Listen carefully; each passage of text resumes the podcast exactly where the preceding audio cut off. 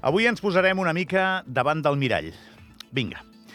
D'un temps cap aquí, en aquesta part del món, la benestant, vull dir, a pesar de tot el que hem de millorar nosaltres, seguim vivint en la part benestant del món, això és així, doncs el que dèiem, d'un temps cap aquí, en aquesta part del món hem anat encaixant en el calendari tot de dies internacionals que ens permeten reivindicar idees que mereixen la nostra atenció o visibilitzar causes que necessiten publicitat perquè hi parem més atenció.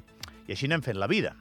Posem llaços, colors i tot l'arsenal de gesticulacions que aquestes coses porten incorporades.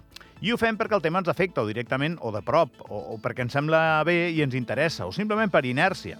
I aquesta no m'agrada, però és freqüent perquè se suposa que ho hem de fer, per complir. No patiu que no us estic passant llista. Els primers en passar-la hauríem de ser els mitjans de comunicació, que hem trobat en aquest calendari de dies internacionals un coixí comodíssim per fer becaines de tant en tant.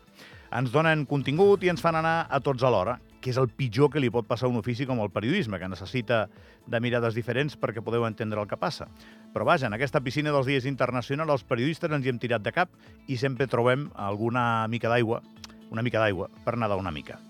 Dit tot això, que s'ha de dir també, eh? i fet el top més o menys pels pros i els contres d'aquest assumpte, hi ha dies d'aquests que ho hem de reconèixer que han ajudat i han contribuït a que la vida millori per moltes persones posaré exemples, eh? El Dia del Càncer de Mama ha ajudat i molt a que la consciència social sobre aquest tema millori, segur.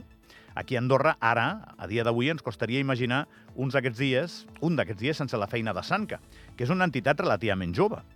Demà és el dia, per exemple, canviant de tema, de la violència contra les dones, de la violència contra la violència masclista. Un tema que no està resolt i que està vinculat a una sèrie de xacres que deriven del masclisme més extrem. Doncs bé, el dia de demà també em sembla bé que l'aprofitem per recordar que hi ha feina per fer. Però de poc ens servirà que ens posem tot de llaços de color lila si després no som capaços d'estar connectats amb aquesta sensibilitat cada dia de l'any. Sobretot els que tenen responsabilitats en matèria d'educació. És molt important que la gent jove escolti parlar d'això i identifiqui cap on volem que vagi el món i cap on no. I que els homes i les dones tinguin una relació honesta, justa i d'igualtat de drets i oportunitats és el final del camí de tot plegat. I, lamentablement, ens queda camí per fer encara.